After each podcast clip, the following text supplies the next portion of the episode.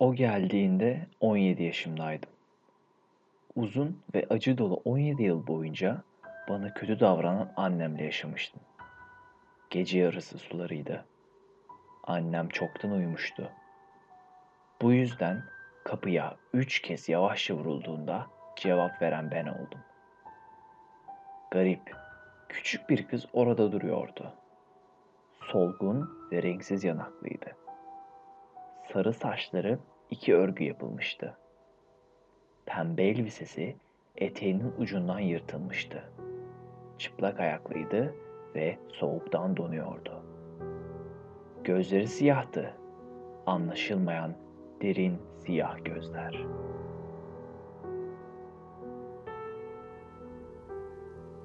Onu korkunç derecede ince giyinmiş olduğunu düşünerek hızlı içeri aldım.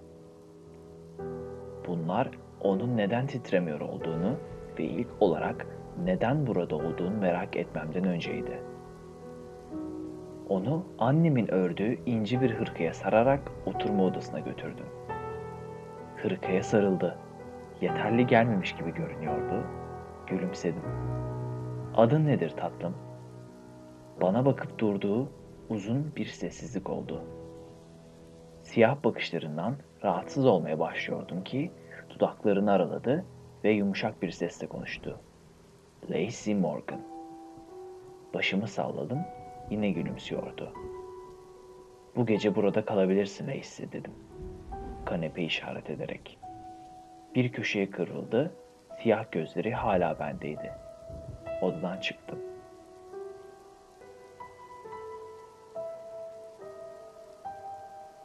O gece rahat uyudum. Annemin beni dövdüğü ya da garip bir kızın kanepemde olduğu hakkında düşünmedim. Sabah olduğunda ağır adımlarla mutfağa girdim. Güzel bir kahve kupasıyla karşılandım. Annemi gördüğümde zayıfça acı bir sesle inledim. Ne halt ettin sen? Kanepede neden kir var? Bağırdı. Beni bayağı şaşırtarak. Üstünde inceleme yaparak buldum ki Lacey yok olmuştu. Onun orada olduğuna dair tek kanıt elbisesinde ya da ayaklarından düşmüş kirdi. Mesuliyeti üzerine anladım. Yanığıma güçlü bir tokat yedim ve sonra okula gitmek için evden ayrıldım. Ve orada ödümü kopartacak bir şey duydum. Lacey Morgan dün gece ölü bulunmuş. Günümün geri kalanını konuyla ilgili haberler duymayı bekleyerek geçirdim. Ama hiçbir şey bulamadım. Fakat eve vardığımda onun haberleri canlı yayında açıktı.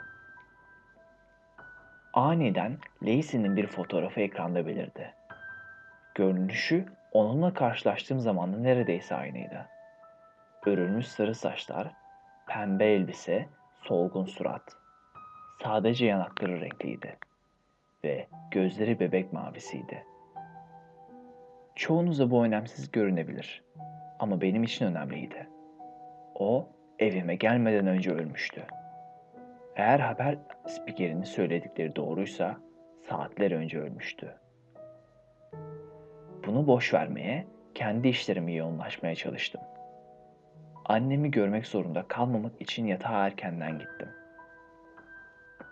Yanağımdaki yarada soğuk parmakların okşamasını hissettiğimde gece yarısı sularıydı. Küçük ele yönelmeden önce iç geçirdim. Bir daha asla. Lacey fısıldadı. Eli yok olmadan önce. On dakika geçmeden annemin çığlığını duydum. Annem yatağında vahşice benzetiliyordu. Küçük bir varlık yüzünü onun göğsüne gömmüştü.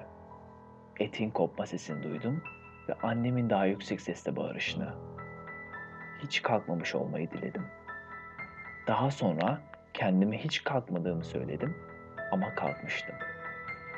Yani Lacey annemin göğüs boşluğunu delmeyi kesip geri çekildiğinde jilet gibi keskin dişlerinin ışıktaki pırıltısını net bir şekilde gördüm. Annemin kanıyla par parıldıyordu. Bir an için bana masumca gülümsedi. Hızla annemin şah damarını koparmadan hemen önce. İşte o zaman bayıldım. Kendime geldiğimde yatağımdaydım. Annemin odasında yürüdüm. Dehşet verici bir merak her yerimi sarıyordu. Kapıyı açtığımda oda boştu. Yatak düzgünce yapılmıştı. Annemin her zaman erkenden işe gitmeden önce bıraktığı gibi. Tek gariplik bir çocuğun kirli ayak izleriydi. Bir de Lacey'nin içeri girdiği açık pencere. Annemi bir daha hiç görmedim. Hiç özlemedim de. Zamanla evlendim ve bir çocuğum oldu. Onun adını Lacey koydum. Son zamanlarda komşumuzun kızında her türlü sıyrık olduğunu fark ettim. Kolunda da çürükler vardı. Onların evini izlemeye başladım. Ve diğer gün garip bir şey gördüm. Küçük bir kız arka bahçeden arka kapıya yalın ayak koşuyordu. Gece yarısı sularıydı. Bu yüzden emin olamadım. Ama onun siyah gözleriyle gözlerimin buluştuğunu hissettim. Ve yemin edebilirim. Ağzından bana doğru üç kelime çıktı. Bir daha asla.